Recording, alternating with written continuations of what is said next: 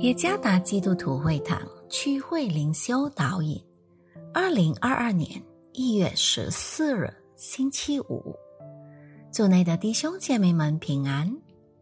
今天的灵修导引，我们将会借着圣经创世纪第三章十五节来思想今天的主题：恩典之月。作者朱师姐传道。创世纪第三章十五节，我又要叫你和女人彼此为仇，你的后裔和女人的后裔也彼此为仇。女人的后裔要伤你的头，你要伤她的脚跟。多尼是个调皮捣蛋的孩子，他经常闯祸。无论是在学校或是在游戏群体里，他总是爱制造麻烦。几点是，当他与孩子们在小区里玩耍时，打破了邻居的缸。他的父亲已经反复规劝他，然而他却把他当耳边风。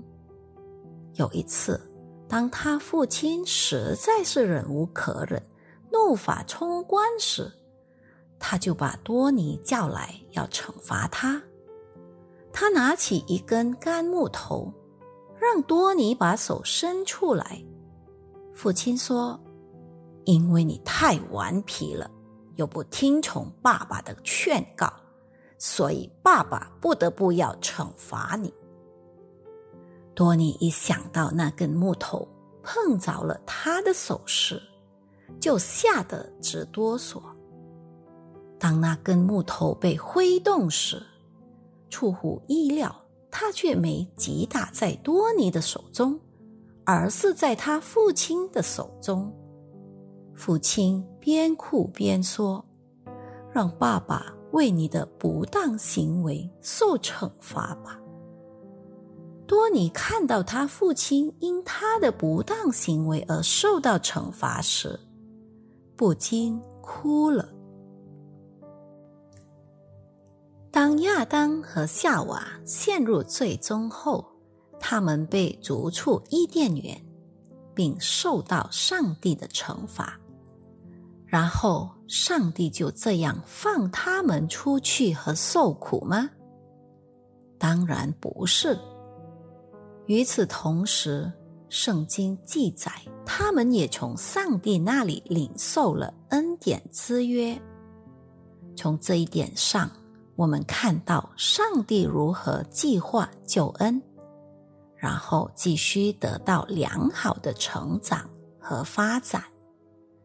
从亚当下一个后代开始，即挪亚、亚伯拉罕、摩西、大卫。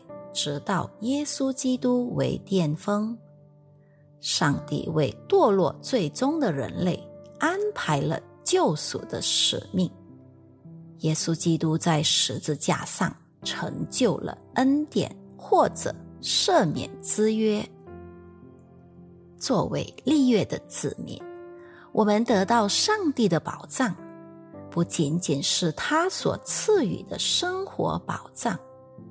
也是人类离开世界后永恒的宝藏。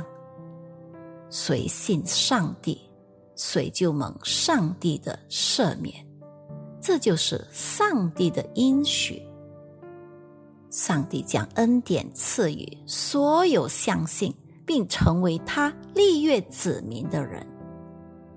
愿上帝赐福于大家。